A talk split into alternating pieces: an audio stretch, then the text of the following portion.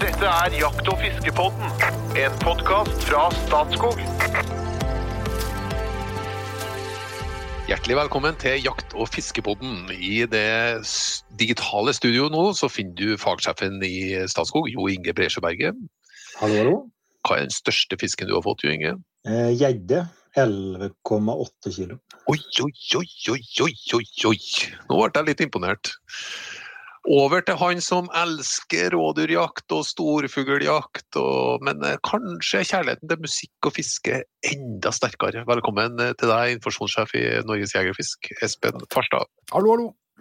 Navnet mitt er Trond Gunnar Skinnestad. Jeg er til daglig kommunikasjonssjef i Statskog og har eh, sterkt begrensa erfaring med både jakt og fiske. Men, men, men, eh, men du glemte å spørre hvilken eh, største fisk jeg har fått? Eller gjedde? Ja, jeg beklager det, Farstad. Eh, Hva hva er den største fisken de har fått, da? Ja, den største fisken jeg har fått er jo betydelig mye større enn Jo Inge sin, for det er en kveite på et par og 30 kilo. Men, Ja, jeg har fisket hai, som er større. Men, men jeg har fått en gjedde, hør nå da, jeg har fått en gjedde på 12,5, som er bare Nei, du kødder! Er helt sant, den er litt større enn din, faktisk. Jeg har bildene, jeg skal sende over så dere kan legge den ut på Facebook-sida. Det, eh, det var herlig. Å, det var en god start. Takk. Min, min var litt våreslank, da. Min var litt våreslank. Ja, ja, ja. Men eh, OK, tilbake til, tilbake til det viktige her i livet. Tilbake til meg. Fiske for meg handler om mark og dupp og innslag av kanskje spinner. Og så syns jeg jo jeg synes jo faktisk det er litt spennende å fiske med oter òg. Så små elver og små vann eh, om høsten kanskje som frister. Helst inne i Børgefjell, da. Men eh, nå er jeg jo ja, er, nå har jeg satt meg for at uh, jeg skal prøve meg på noen uh, nye vann i nærheten av Namsos, for det er en kamerat som har uh, gitt meg noen tips om det. Så, og når jeg sitter liksom langs bredden, og så ser jeg duppen, en sånn umoderne dupp driver og går litt opp og ned, så sitter jeg og lar livets problemer krympe, egentlig. Men du eh, bruker ikke duppen til det, du bruker fluestanga når du skal gjøre det, Espen. Ja, men jeg gjør ikke det. Jeg, ikke, jeg, det, det er, jeg har en litt annen innfallsvinkel til fiske. For meg er ikke fiske først og fremst et sted hvor jeg blir tanketom. Snarere tvert om. Eh, Det er et sted hvor jeg bruker Jeg forsøker å bruke intellektet mitt for å overliste denne skapningen som har hjerne på størrelse med en ert. Ja, så det er Nei, men helt seriøst, altså det er litt sånn Jeg syns det er mest moro å fiske når jeg innbiller meg i hvert fall at jeg har skjønt hva det er som skjer der ute. At jeg har, at jeg har knekt koden. At jeg i all min kløkt har, Mm. er lurere enn fisken og, og narrer til å ta. Jeg, det går så langt faktisk noen ganger at når jeg har kommet ned til elva, studert insektlivet lett i fluebuksen, funnet riktig mønster, skjønt hva det er som beveger seg, hvor i, hvor i, hvor i livsstadiet til insekter vi er, og lurer fisken til å ta, så kan jeg nesten, det er like greit at den bare slipper, for da har jeg egentlig lurt den. Det er nesten, Fiske blir viktigere enn fisken. Så gæren er jeg noen ganger. så det, Jeg innrømmer at det, det henger jo ikke på greip med noen ting som helst. Men så er jeg veldig glad i å spise fisk, og da, sånn at jeg vil jo ta på land og kakke den i huet. Jeg. Stort sett gjør jeg det. Mm. Men det er kanskje at fokuset blir så sterkt. Du, du, du blir så sterkt der og da i akkurat det du holder på med. Ja, veldig til stede i øyeblikket. Det er et øyeblikk av flyt som kan sammenlignes med, med, med en god musikkopplevelse, ikke minst hvis du spiller sjøl, eller, eller eh, ja eh, jeg hadde nær sagt eh, I seksualiteten kan man finne noe tilsvarende. Det Ja, er vi- sterke følelser her. ja. Kjenner du deg igjen du, Jo Inge? Ja, jeg er faktisk det. Sjøl Selv om jeg Eller mitt fiske Jeg måtte begrense fisket litt, for jeg jakter litt, da. Hender seg prøver det. Og da, eh, for å bevare både min kone og barn og familie, det, så har jeg måttet tone ned litt på den fiskinga som jeg drev på med. Vi var jo helt gærne. Vi fisker prinsippet hver dag når jeg vokste opp. Men det har jeg begrenset litt. Så nå er det litt mer rekreasjon å ta med unger på fiske, som liksom er det store for meg. Og, og jeg har tilbrakt ukevis i båt og dorge, både Glomma, Fliselv og sjøer rundt omkring her. Og det var en periode så var det ren medisin. Når du har tusen ting i lufta, eller altså alle baller i lufta, og det skjer noe hele tida. Det kunne sitte i båt og dorge, det er da rekreasjon. Da er vi over på den andre, den litt mer hjernedøde. Om jeg går bevisst etter fisk og, Og både agn og måten i fisk hen fisk, fisker, alt det likevel. Men eh, da er jeg litt mer over på rekreasjon. Mm. Og mat. Jeg fisker jo mer, kanskje mer for maten sin del. Jeg som begynner å bli litt slunken til fryseren. Kommer ut på midtsommeren. Mm. Nei, Jeg har, jeg har som sagt et mål om å fiske mer, jeg skal øke fisket igjen. Eh, og så har jeg jo også en ting jeg skal finne ut av om stemmer. Det er jo en Espen som skal lære meg å fiske med flue i løpet av ti minutter, tror jeg, hvis jeg husker rett. Ja. Så det gleder jeg meg også til. Men altså, mett, mett liksom, kjempefiske, det, det, da, må, da må du gå ganske langt. Du må inn i Børgefjell nasjonalpark og fiske etter fjellørret, som er litt vanskelig å ta. Men eh, OK, Eh, kan ikke dere to ta oss gjennom det vakreste året av alle årene, nemlig fiskeåret? Hvor, hvor starter vi hen da? Ja, hvor skal vi starte? Vi, skal vi, nå, nå er det jo våren, og det, liksom, det er like før det braker løs overalt, så vi kan jo begynne på denne tida. Det er kanskje naturlig å gjøre det. altså, påsketider eh, der omkring. Eh, for oss som bor nede i Oslo-gryta, så er dette tiden for sjøørretfiske. Eh, Mm. Nå er dessverre situasjonen sånn at sjøørreten er litt eh, hardt pressa i store deler av eh, Norge, mye pga. lakselusutfordringer. Så Vestlandet fra Rogaland og godt opp i Midt-Norge er jo eh, sjøørreten freda på denne tiden av året. Eh, Det er veldig trist. En trist utvikling, bare for å ha sagt det. da. Så, så, så de får jo ikke vært med på dette fisket, som for oss er et høydepunkt i Oslofjordområdet. Eh, Da snakker vi om sjøørretfiske i sjøen, enten med sluk eh, eller med flue, som eh, mange av oss foretrekker.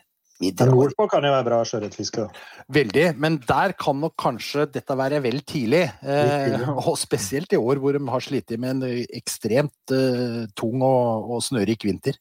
Så, det, så det, det beveger seg litt seinere oppover. Så det er litt avhengig av hvor i, år, hvor i landet du er. Men, men det, det, det, april er nå i hvert fall den klassiske sjøørretmåneden i, i Sør-Norge, og så beveger det seg oppover. Det, det, det er temperaturen i vannet og, og byttedyr Ja. som styrer dere. Ja, det er eh, sjøørreten eh, Altså, fisk er jo vekselvarme dyr. Det vil si at de har samme eh, temperatur som omgivelsene. Er det veldig kaldt i vannet, så, så skjer liksom de kroppslige prosessene ganske sakte. Åtte til ti grader i sjøvannet, da våkner sjøørreten ordentlig til liv. ikke sant? Og jager i, i, i tobis eller brisling eller hva det måtte være. Og, og ikke minst da denne legendariske børstemarken da, som, som svermer eh, på denne tiden av året. Børstemarken lever jo nede i Tangen eh, hele året. Den er en, eh, det er mange arter. Den største kan bli en 30-35 cm lang, så det er en ordentlig, ordentlig svær greie. Og de biter, jeg bare nevner det. De kan bite, ja. Og, og, og, men en gang i året så må de jo komme fram og møte sine likesinnede. Da skal det svermes og det skal pares, liksom. Og den dansen der sånn, den vil gjerne ørreten være med på. Nå er det sånn at børstemarken lever helt opp i tangen. sånn at uh, sjøørreten uh, tør jo ikke komme innpå der på dagtid, men når mørket kommer, så klaffer det til. Da er det to ting. ikke sant? Da er det både ly i mørket, og det er masse mat inne på grunna. Og det er klart, Dette smørgåsbordet her, det vil jo ikke en, en, en sjøørret la gå fra seg. så Da kommer det inn. Da står vi som hegrer i nattemørket på oddene bortover ikke sant, med fluestengene, med svære, bustete fluer lagd av kaninskinn eller marabofjær. Altså bevegelige materialer i vannet. ikke sant? Helt mørke, for nå fisker vi silhuett mot natthimmelen, som tross alt er lys når du er nede i vannet. Når du ser ned, og det er mørkt ute, så er det lyst. Så drar du disse fluene over grunnene, akkurat som en børstemark som svermer. ikke sant? Sakte, sakte. Og, så, og du, du ser jo ikke fisken tar til slutt, for det er som et men du hører dem. ikke sant? Så du fisker på gehør, du hører det der ute, og så gir du tilslag. Det er også en sånn eventyrstund eh, hvis, hvis det klaffer på en, på en fin aprilkveld. Det er, Det er, du starter på kvelden, eller fisker om natta? Altså, jeg fisker jo hele døgnet på dette. her. Så på, men litt sånn, og Regelen er jo litt sånn på dagtid, så jager han jo litt mer eh, på småfisk og, og den type byttedyr. Kanskje er han inne og tar litt eh, kreps og sånn inn på grunna, men, men på natta, hvis du treffer den der børstemarkgreia, da, så, så da, da er det moro, altså. Er den mørkere tida til døgnet. Men det her, nord, nord, nordpå er det det jo ja, tidspunktet her illustrerer jo de store forskjellene i Norge. For akkurat, akkurat nå så er det veldig store forskjeller. Eh, Du gjorde jo et lite, en liten sjekk på aktiviteten på fiske, Jo Inge, hos oss i Statskog. Ja. Rundt, eh, vi ser jo dette rundt påskeleitet. Altså, du kan sjekke da på her tid folk kjøper fiskekortet. Og vi må jo anta at de som kjøper eh, fiskekort i påsken eller en uke før påske, at de har formening om å fiske. En veldig stor andel av våre fiskekort blir solgt faktisk rundt påskeleitet. Og Mm. Det er jo typisk med litt sein påske, og etter det, da, fram til isen går, så kan det jo være veldig bra fiske på isen i Nord-Norge. Når vi da driver og fisker sjøørret eller eh, fisker etter isgangen i Sør- og Øst-Norge, så kan det jo være veldig bra isfiske i Nord-Norge. Og det er klart for mange en høydere, da. Ikke sant? Eh, Jeg har knapt nok prøvd det i Nord-Norge. Men eh, jeg har nå jeg har en del med isfiske her sørpå, da. Men eh, det er typisk da Det kan være ja, det kan være til 17. mai. Ikke sant? Altså, det kan drive på ganske lenge utover våren. Og det er litt ettersom eh, forholdet. Snø- og isforholdet. Men det er typisk da den tida her, den vårtida. Det er jo et annet fiske også i Nord-Norge på den tida, vi må ikke glemme det.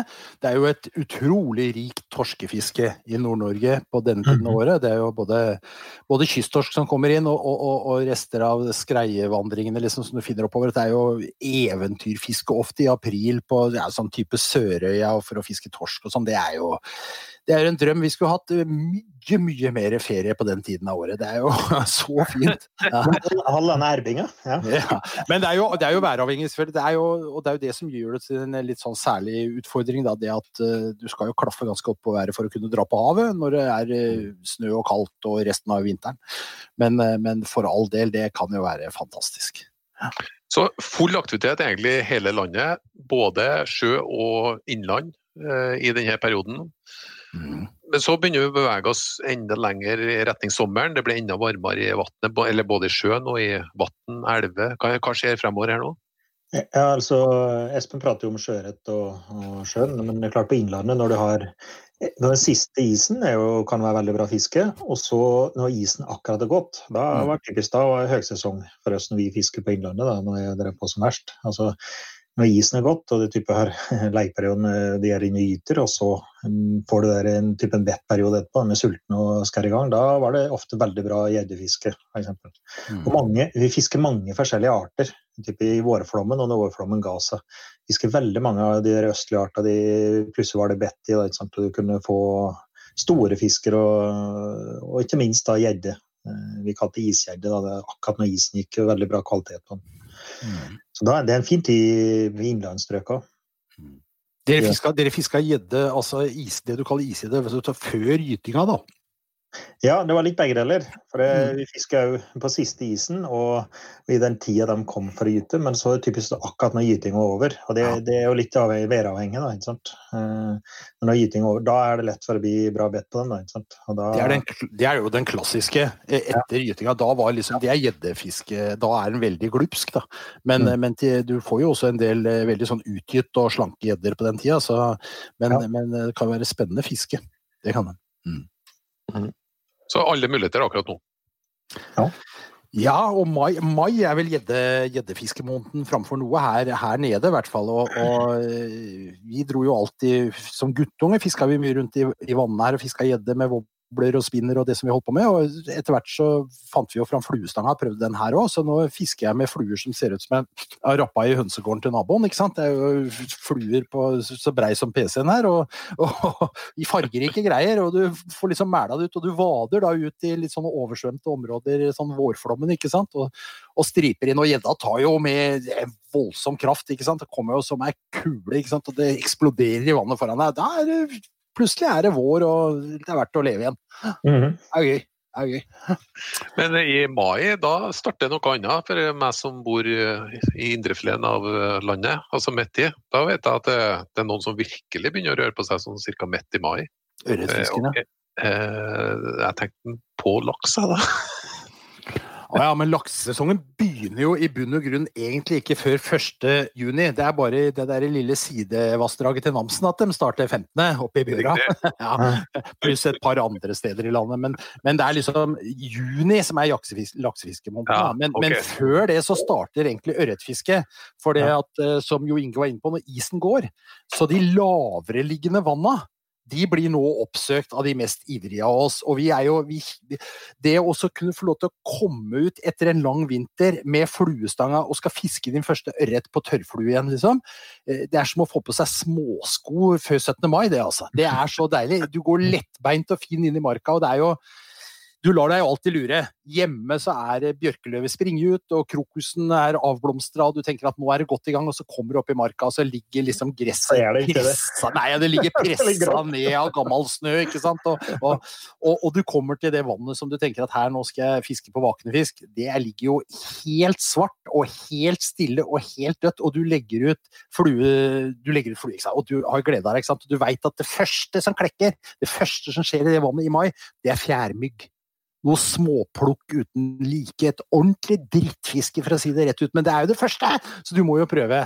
Og det å ta den første fisken, det er, det er, det er viktig. Men så legger du ut fortommen, da. Den er kanskje så tynn som ja, 0,12. Hvis for den som fisker, så, så, du skjønner at det er bare det er, det er hakket over hårstrå. Og du legger den ut. Den ser jo ut som en tømmerstokk på vannet, ikke sant? Der, ikke? Hvor, hvor, det danser noen små mygg. Men er du så heldig da at du får lurt opp en liten sånn vintertynn, sliten ørret, ikke sant? allikevel så er lykken fullkommen. For du vet at nå, nå har jeg starta på sesongen. Nå er vi i gang. Det blir bare ikke finere enn det. altså. Nei, Det er jo typisk at du bomma litt, da, som eh, Espen sa. At du du, det, har, det, er tidlig vår i, i bygda, og så reiser du lenger inn eller lenger opp. og så er det jo ikke så tidlig der. Det er jo veldig typisk. Men, men det er jo veldig følsomt på akkurat, for det er jo der overgangen. Isen går, og så får du litt omrøring i vannet litt, og litt eh, økende temperaturer ikke sant, av sola, og så begynner insekter å klekke. Så det, det, er jo det å time det. Det er jo det ofte som er viktig. altså Du treffer liksom på når det skjer, for plutselig så skjer det jo. Og du bommer ofte i første turet, da. Men så skjer det. Jeg, jeg må fortelle en litt artig historie om det. fordi at eh, vi som er sånne imitasjonsfluefiskere, vi er jo gærne. Uh, og en gang så fant vi på at altså det vi ønsker oss, det er jo en komplett oversikt over når det klekker insekter på forskjellige steder rundt omkring i landet. Så vi prøvde en gang i Jeger og Fisk å lage en egen app for dette, som vi kalte Klekkofonen. Man kunne også melde inn at nå var det klekking av Efmara vulgata, eller, eller eh, et eller annet ikke sant? type insekter er på gang her, er på gang der. Så at vi skulle danne oss et bilde, et slags kart av når skal du være hvor, og på hvilken tid. For det handler om rett sted, rett tid. Det er det det handler om. ikke sant? Mm. Men uh, vi, Timing på godt norsk. Ja, men vi støtter på noe som var helt typisk, og som vi hadde glemt. Det er jo ingen fiskere som vil dele. Jo, de vil jo ikke si når det er bra i vannet sitt! Nei, det, det ikke, Du skal ikke ha fiska mange år før du slutter å skryte på deg fisk. Du skryter fra deg fisk. Ble det noe fisk, da? Nei, det var, eh, var ikke så særlig, liksom. Og så er butten full, ikke sant? Men du vil jo ikke si det til noen. Nei. Så den derre delekulturen blant sportsfiske, den er så dårlig at du er nødt til å finne ut av dette helt av deg sjøl. Du løper fra vann til vann og håper å treffe på disse klekkingene, ikke sant? Og, og måler høydemeter, og du starter nede ved sjøen, og så beveger du deg oppover. Og nei, det er, det er en egen verden. Altså, det, det handler om altså, Hvis du kommer med feil insekt til feil tid, så, vil, så, så aner da fisken av en eller annen grunn ugler i mosen. Jeg er ikke interessert. Ja, nei, altså du, du, du får jo ikke en, altså, en, fisk som er midt i en klekk, vulgata-klekking i et eller annet vann oppe i Nordmarka, er 100 innstilt på dette, skal mye til å få til å ta noe annet. Enhver slukfisker som har kommet opp og skulle fiske med sluk og havner i en sånn voldsom insektklekking og beiting, har kjent på den frustrasjonen. Du kan dra sluken forbi, den er totalt uinteressert, for den er på en måte helt gira, den blir helt selektiv. Da. Det er jo ikke alltid sånn, men, men, men ofte er det jo slik. Da er, da er, vi over i Så i april eh, er vi i sjøørreten. Mai, avhengig av hvor vi er i landet. Mai, du, da begynner å bevege deg inn i landet. Mm. Juni Laksefiske. Da, da er det den. Ja, det er laksefiske. Du vet at Laksefiske starter jo 1.6. Dette er jo noe som folk gleder seg voldsomt til. Altså, Ørretfiske er jo ikke belemra med samme startdatoer. ikke sant? Du kan jo på en måte starte når tida er moden for det. Laksefiske så får du ikke lov å starte før en gitt dato ikke sant? i et vassdrag. Og så veit vi jo at uh, veldig ofte så er det jo de største laksene, de flotteste laksene, er jo de som kommer først. Så liksom storlaksen, de der sølvblanke rett fra havet i begynnelsen av juni, det er klart at dette er jo, det er jo høytid. Så for veldig mange, 60 000-70 000 nordmenn, så er, er 1. juni en, en, dato som er like viktig som 10. september for småviltjegeren. Ja, for det er svær greie. Det er svær greie i mange land òg. Ja, men ikke så mange land. Altså, det er ingen som har, har, så bra laksefiske som Norge, vet du. I hvert fall ikke på atlantisk laks, da. Det er jo vi som, jo vi som besitter noen hundre lakseelver. Eh, med mm. masse muligheter. Fra bitte liten elv i Finnmark til å ja, bukke seg inn i Namsen, da, som et av de store, f.eks. Mm. Eh, litt sånn, Apropos det, hvordan går det med Vi, vi, vi trenger ikke å kjøre noen lang oppdrettslaksdiskusjon, men hvordan går det med elven? Vi vet jo at vepsen holder på å komme seg igjen, en langvarig behandling. Det, blir det flere eh, lakseførende elver, eller blir det færre nå? Hvordan går det? Altså, tendensen har jo vært at uh, det, har, det, blir stadig færre lakseelver som åpnes for fiske. Det er jo slik at uh, Laksefiske er jo i bunn og grunn forbudt, uh, men så åpner Fylkesmannen for fiske i noen elver. Sånn at hvis det er laks i en elv, så er det ikke dermed gitt at det er lov til å fiske der. Det må åpnes for det. og på bakgrunn for den åpninga, der ligger altså en vurdering av bestandsstatusen i den elva. Tåler vi høsting? Er, er det liksom liv laga her, da? Eh, og i Nordland fylke, f.eks., som er det lengste fylket vårt, og som har tradisjonelt hatt veldig mange lakseelver, der er godt over halvparten av lakseelvene stengt for alt fiske. Av dårlig bestandsstatus på, av ulike grunner. Men så er det noen lokomotiver av noen elver, da. Som f.eks. i Nordland så er jo da typisk Ranaelva og Vefsna, ikke sant, som er de to store. Eh, begge to behandla mot eh, gyrodactylus, denne lakseparasitten. Mm. Som gyrodactylus må ikke forveksles med lakselus. Det er to vidt forskjellige ting. bare for å ha sagt det. Gyrodactylus lever i ferskvann, lakselus i, fers i saltvann.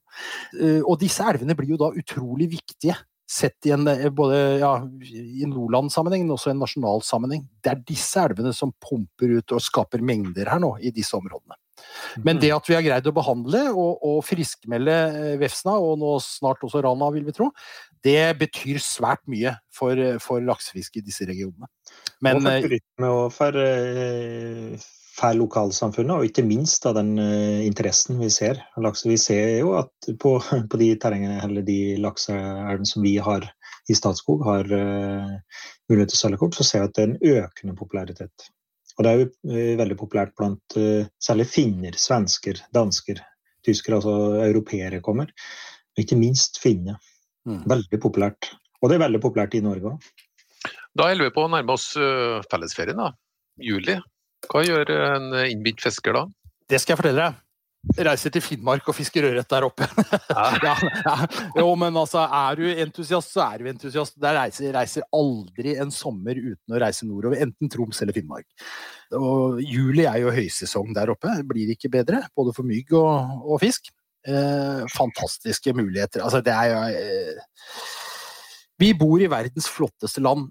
Der oppe har du verdens flotteste områder. Svære områder. Frihet i tid og rom med fluestanga i hånda det er lykke. Så, så det er flott. Men også, også sommerfiske, liksom. Jeg, jeg, ikke, vi skal ikke underslå Jeg vokste opp på Vestlandet. Fiske sei, makrell, lyr, mm. torsk. Altså, alt det der rikdommen som er, og du kan være ute og Det å gå på svaberga barbeint og bli sår under føttene og kjenne varmen fra sola og, og, og ha makrellslim på fingra, er jo herlig. Mm. Altså, ja, altså nok en gang, det er jo en det, juli er jo ofte ferietid, da, så du kan kombinere ferie med fiske. Mm. Og det kan jo i veldig stor grad Hvis du ferierer i Norge, så eh, liksom reiser opp i fjellet eller reiser nordover, så har du jo kjempefiske kan ha da i juli. Mm. Og skjer det sørpå som jeg bor, så kan det være bra fiskehjul. Det begynner å bli litt varmt i vannet og kan bli litt slappfisk, men eh, jeg har fisket veldig mye på sommeren og hatt bra fiske både meiting og dorging, som men mye meitefiske som kan fungere veldig greit på, på sommerstid Og ikke minst å ha med unger ute og fiske. Jeg har et fiske i hjemfylket ditt, eh, Jo Inge, som jeg eh, gjør i juli, hvis jeg kan, første og andre uka i juli. Det er å, å eh, ligge i båt, ankra opp, eh, og vente på klekkinger av vårfluer helt øverst i, i Trysilvassdraget. Ja. Og fiske stor sik på tørrflue. Altså når sola vipper ned så vidt det er bare kanten på Sølenfjellet, og, og, og, Galtstrømmen legger seg helt blank, liksom. Og svær fisk. Altså, vi snakker fisk på kilo to, kanskje tre også, begynner å vake rundt båten på, mm. på fluer. Ah, Det er så, det er så altså, Nå er vi inne på sjelefred og sjelebotavdelingen, uh, altså. Men, men veldig intenst, for all del. Mye venting og mye Men, men altså, for en kulisse. Det er jo som å sitte i et maleri Mm. og være der oppe. Ja, det er juli, altså. Men likevel, vi er jo, vi har jo pratet om det før, vi er jo fiske, fiskefelkefæl. Vi er jo veldig gode på fiske i Norge. Og det er klart, det er fryktelig mye fiske blir faktisk gjort i juli, altså i feriesammenheng. Ja, Tenk deg, ikke tenk deg makrellfiske på Sørlandet, og, og de er ute og fisker sei i Lofoten altså, Det er jo overalt fiskes det jo over en lav sko. Overalt. Det kan, det kan jo faktisk være en, kanskje den mest hektiske fiskemåneden. Når du tar med alle fritidsfiskere, altså alle som er på ferie og det. Jeg tror at det er det. I juli er kanskje, selv om det ikke nødvendigvis er den beste fiskemåneden, så Ja. kanskje da det blir fiske mest. Det er helt riktig. Så begynner vi å bevege oss eh, på sensommeren. da. Ja. Mhm. August begynner å li opp mot uh, september og høst. Ja, August er en fin, veldig fin måned eh, her hvor jeg bor, altså i Oslofjorden. fordi at eh, De siste åra har vi fått inn en spennende ny fiskeart, og det er havabbor. Den eh, så vi ikke så mye til når jeg var liten. Da jeg leste i Per Petons fiskebok at det var observert en havabbor på sydspissen av Tromøya liksom en eller annen gang. Men nå eh, lever den og gyter den regelmessig her inne. Men dette er en litt varmekjær fisk. Eh, Så den ser vi ikke så mye til gjennom året, men i august, når gjennomsnittstemperaturen inne i, det der eh, badebalja av en eh, fjordarm som heter Oslofjorden, nærmer seg en, eh, 22-23 grader på det jevne, liksom, da jager havabboren. Så hvis du gidder å stå opp klokka fire om morgenen i august, dra ut med båten eller stelle deg på en odde, så vil du se havabboren jage rundt inne i fjorden her sånn. Og for en sportsfisk, altså! Når du får en havabbor på en kilo og halvannen på fluestanga, da, da skjønner du hvorfor du må gå opp en fortomsstørrelse. Altså, her raser det av gårde. Det er som å ha en sånn kruttpakke i andre enden av stanga. Og så er det jo en fantastisk god fisk å spise også. Så det er uh, seabass har du sikkert smakt når du har vært på restaurant i Syden og, eh, en kveld med kjæresten og bestilt fisk eh, fordi du hadde litt sånn kjøttskam. Så bestilte du det, og da fikk du, da fikk du seabass, som er veldig godt å spise. Havabbor. Så det, det fisket der, det har liksom dukket opp den siste tida, så det er en hyggelig bonus. Og det er jo litt, eh, litt som på våren når du får varmere vann og sirkulering i vannet. Og det så i august da typisk begynner å bli høstmåned begynner å bli kaldere. Ja. Eh, Og du får omrøring i vannet og du får litt kjøligere temperaturer. Og ikke minst at vi eh, merker dager. da. Så når jeg bodde i Nord-Norge, begynte i Statskog, så bodde jeg ved sida av Vefsna. Altså eh, langs et av de beste strøka i Vefsna. Da var det jo ikke laksen eh, var ute kommet tilbake ennå. Det var før kultiveringen. Eller før eh, gyro rotmonbehandlinga. Da var det en, en, av Norges aller beste sjøørretelver. Og da fisker vi fryktelig mye sjøørret i august. Altså vi fikk eh, Brått ble det litt merkere kvelder. Ja. Og det beste, kanskje en av de beste tidene var da å fiske sjøørret. Ja. Der, da, i elva. Mm. Det er jo et annet eh, Også, også harvefisk har du drevet med det, jo Inge? Ikke veldig mye. Jeg er vet hva det går ut på. Jeg har prøvd det òg, i gamle dager. Det er også et nattfiske Nattfisk. eh, ja, når, når mørket begynner å komme tilbake etter sommerferien ikke sant? i august, og, og, og vannet er fremdeles litt varmt, men er i ferd med å bli litt kaldere, så blir fisken litt mer aktiv igjen. Og det der å dra ei svær marktugge i stupmørten eh, i et ørretvann tett oppunder land, da, da plutselig så går det på litt større fisk enn du trodde det var eh, mulig å få i det vannet.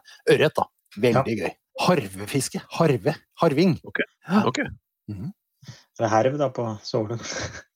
Men det, det, er jo litt, det er jo litt det samme som med, med oter. Trond Gunnar fisker med oter. og Det er jo faktisk er nesten naturstridig. Så store fluene og det, at de striper og, og fisken går på det. Det er litt det samme som eh, du får følelsen når du driver med harvefiske. At eh, selv om du striper og det er i vassflata og bråker og lager ganske mye Det er ganske visuelt. Altså, så tar det ørreta helt inn ved land. ikke sant? Men dette er, litt, dette er jo vårflue, mye vårflueimitasjon. Altså vårfluer, det er jo de, de fluene som har vingene liggende som taket på et hus, ikke sant? Skrå ut sånn, og som lager striper på vannet. Du har sikkert sett dem kjøre bortover vannet ikke sant? og lager sånne striper.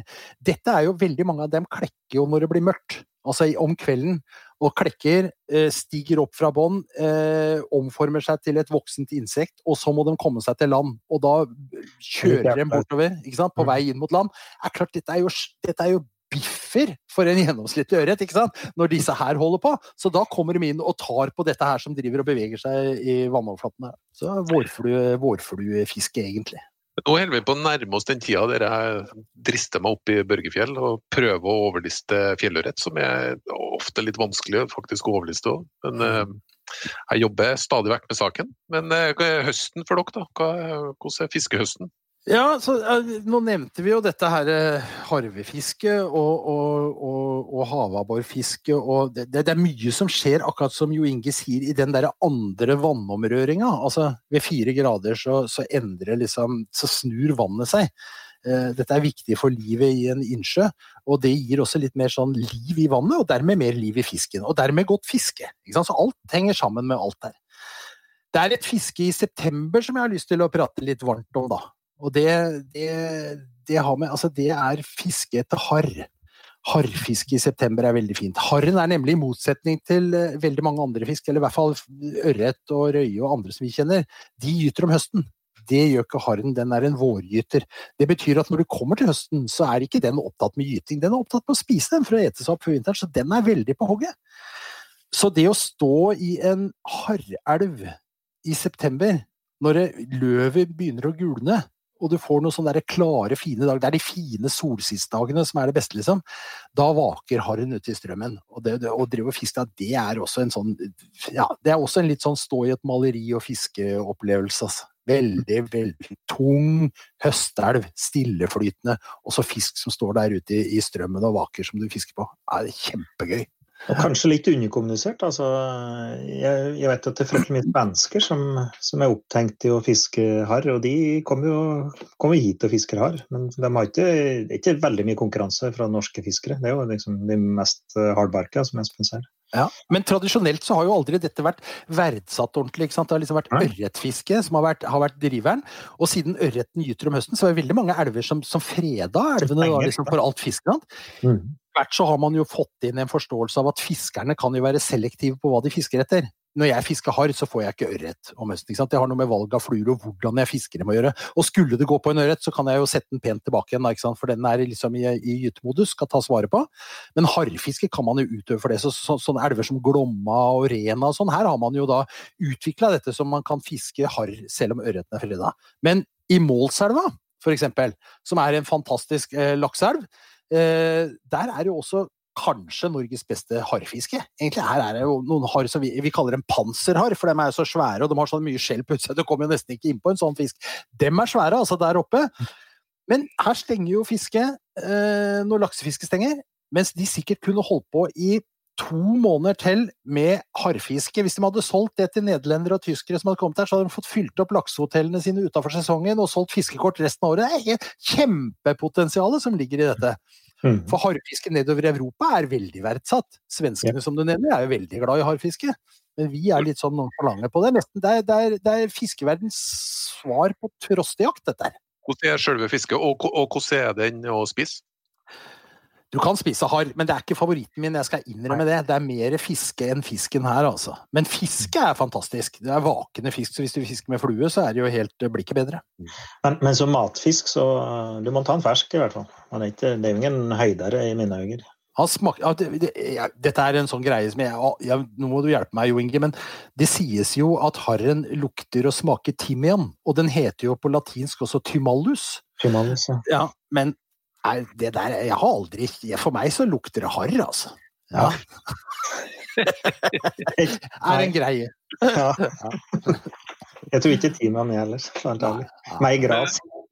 Men for dere, da, er litt ujevn, men eh, for dere så er vel er kanskje høsten litt sånn småtravel, for da skal det jo jaktes en del og fiskes en del. Kanskje jeg må innrømme at jaktsesongen, da er det jakta som preger, og så blir det ikke så mye fiske. Men altså, de som er ivrige fiskere Ole Håkon Heier, som vi hadde innom i en tidligere episode i Jaktfiskpodden, som jo er en av Norges fremste artsfiskere, han har jo høydepunktsesongen. Det er jo september-oktober, f.eks. For, for dette vindusfisket som han fortalte om. Ja, ja, ja. Hvor han går inn på grunna og, og, og, plukker opp uh, svære piggvar og, og, holder på, liksom.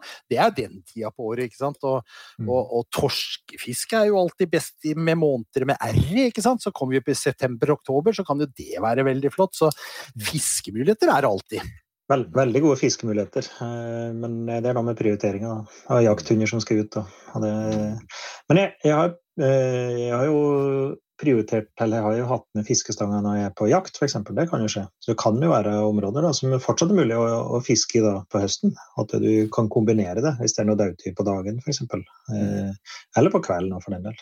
Men, eh, så det har jeg kunnet hatt ganske bra fiske når jeg er tidlig på høsten her her, her i jakter. Så det, det kan jo være en mulighet.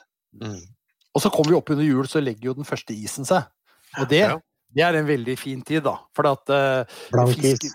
Ja, blank is, ikke sant. Stålisfiske. Dette er jo veldig, kan det være veldig moro. Du kan jo få ganske flott fiske på, på, på røye opp, oppunder jul, men også abbor og gjedde og sånn klassisk eh, fiske, da. Før liksom vintermørket lukker seg med snø og lager det svart og kaldt og utrivelig. Og da er det jo strengt tatt ikke så veldig spennende før det kommer litt ut i februar igjen, spør du meg. Isfiske i januar, jeg har prøvd det mange ganger. Det er jo en jaktmessig depresjonsmåned, så man prøver jo kanskje litt fisk, men det er jo ikke så langt fra depresjoner der heller. Ikke sant? Mye snø, korte dager, kaldt og fy og meg. Ja. Det er da du skal jobbe, et spenn? ja, jeg gjør òg det. Jobbe, jobbemåned. Ja, ja. Juni og januar. Ja, onsdagen i januar jobber. Ja. ja, men det, er jo et langt, det blir jo et langt år ut av dette, ikke sant? med mange muligheter. Altså. Og, og som, som jeg sa, det, er- det fins jo ikke bedre land å bo i enn en her. Og du Har du tilgang til havet i tillegg? Da. Jeg bor jo i Innlandet, men har du tilgang til å fiske i sjøen, i havet, da, er, da er det jo helt andre muligheter. ikke sant? Men både priser og tilgang sånn, det, det, alt, alt det der er betydelig enklere enn jakt. Ja, laksefiske kan jo være unntaket, da. ikke sant? Ja, ja. Det er deler av laksefiske. Ikke alt, det finnes mange muligheter her òg, men, men ellers er jo tilgangen til fiske i Norge er jo eventyrlig. og Det er bare å klikke seg inn på i natur, så finner du jo i praksis fiskemuligheter absolutt overalt. Og øh, havet er jo fritt, da. Mm. Ikke sant? Så muligheter. Jeg ler litt av deg, da, Jo Inge, som sier og heldig er den som bor ved havet som har de mulighetene, sier han. Og så reiser han over havet til Danmark for å jakte bukk i, i mai, ikke sant. Så det hvis du vil, så er du velkommen til Oslofjorden en tur òg, vet du. Ja. Ja, ja, ja. Jeg har faktisk fisket en hel del i Oslofjorden. Du, Hvordan er det på fangstredskap? da? Må man, eh, hvordan utstyr krever det egentlig for å få gode fiskeopplevelser? Har man, er, har man ofte for dårlig utstyr? Nei, nei, vi har jo ikke det. det vi, vi har jo, vi Nei, har nå, jo nå tenkte jeg kanskje at du måtte se litt utover deg sjøl, Espen. Ja, ja. Nei, men jeg mener jeg ser utover meg sjøl, og jeg skal prøve, det er vanskelig, men jeg skal klare det, tror jeg. Det er, det er Nei, altså utstyrsmessig så kan du bedrive fiske med fra det aller enkleste til det mest avanserte, selvfølgelig. Her finnes det jo alle variabler og avskygninger. Men det generelle bildet er at ut, fiskeutstyr er bare blitt billigere. Altså Nå Mm. kan du dra på en, en, en ja. fiskeutstyrs, ja, fiskeutstyrsbutikk og få et helt strøkent haspelsett eller fluesett eller hva det er til ja, ja, noen hundrelapper, kanskje en tusenlapp, liksom. men Det er jo ingenting. Altså, det koster mindre å fiske et helt år og kjøpe seg fiskeutstyr for det, enn det du bruker én dag i slalåmbakken. Mm. Dette er ikke noe å bry seg om. Det er ikke penga som stopper deg på dette her. Det er, og det er ikke mulighetene. Det er egentlig ja, bare å oppdage hvilken fantastisk verden dette er, og ta den i bruk. Mm. Langt, langt de fleste steder eh, kunne fiske mye mer. Og, og det, det er enorme muligheter. Vi er jo et kjempeland for fiske. Er det noe fiske, noe, noe fiske dere ikke har gjort, men som står skikkelig høyt på lista? Å ja. Masse. Ja, ja.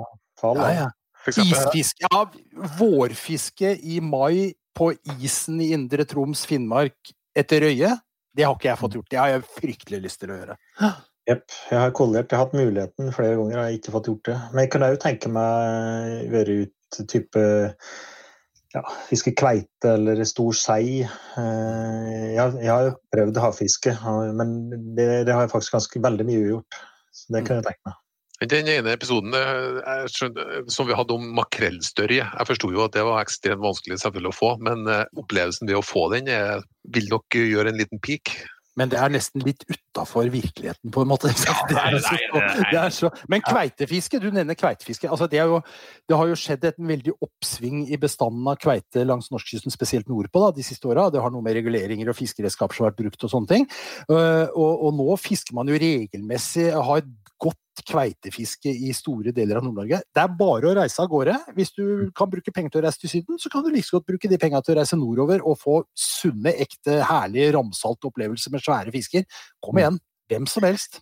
Ellers så har jeg jo prøvd eh, havfiske rundt omkring i verden, i tempererte strøk. Og fiske fisker som eh, Altså i, i varmt saltvann. Eh, Som som er helt en annen fiskeopplevelse enn det jeg har prøvd på torsk og sei og det her i Norge. da.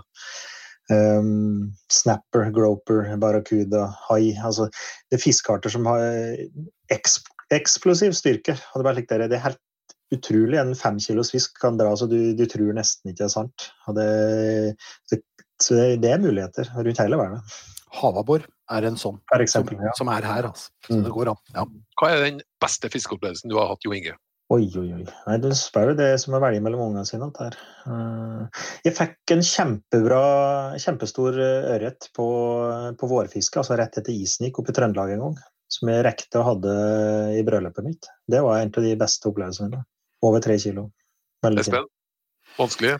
Ja, det er veldig vanskelig, men jeg, jeg husker veldig godt en, en, eh, en jeg, Da jeg vokste opp på Vestlandet som guttunge, vi hadde ferie der oppe, så var det et lite vann rett nedenfor hytta hvor jeg var og fiska. Det var jo sånn der mark og dupp-vann hvor du fikk uh, tusenvis av småfisk, liksom. Og så var jeg der nede én gang, og da, da fikk jeg en ørret jeg kan tippe han veide en 700-800 gram, som var en enorm fisk i det lille vannet. Og den var gullbrun og vakker. Og, jeg, og det å kunne bære den opp hjem og vise fra jeg, det, ja, det var fullkommen lykke for en liten eh, sånn der guttunge med utstående ører og svære fortenner, ikke sant, som sto nedi der hele dagen. Ja, det var gøy. Da tror jeg vi skal gå, gå ned for landing. Det var en eh, fin gjennomgang av eh, fiskeåret. Jeg håper at du fant inspirasjon både til å fortsette med det fisket du holder på med, og kanskje prøve nye muligheter. Følg oss gjerne på Facebook og Instagram, og det er veldig fint hvis du abonnerer på podkasten på iTunes, Spotify eller en annen plattform. Hvis du skulle eh, ønske å gi oss ros eller ris, en anmeldelse der, så blir vi veldig glad. Forresten, isfiske etter røye. Hot or not? Hot. Hot. Definitivt hot. Mm. Ok, en til da. Laksefiske fra båt.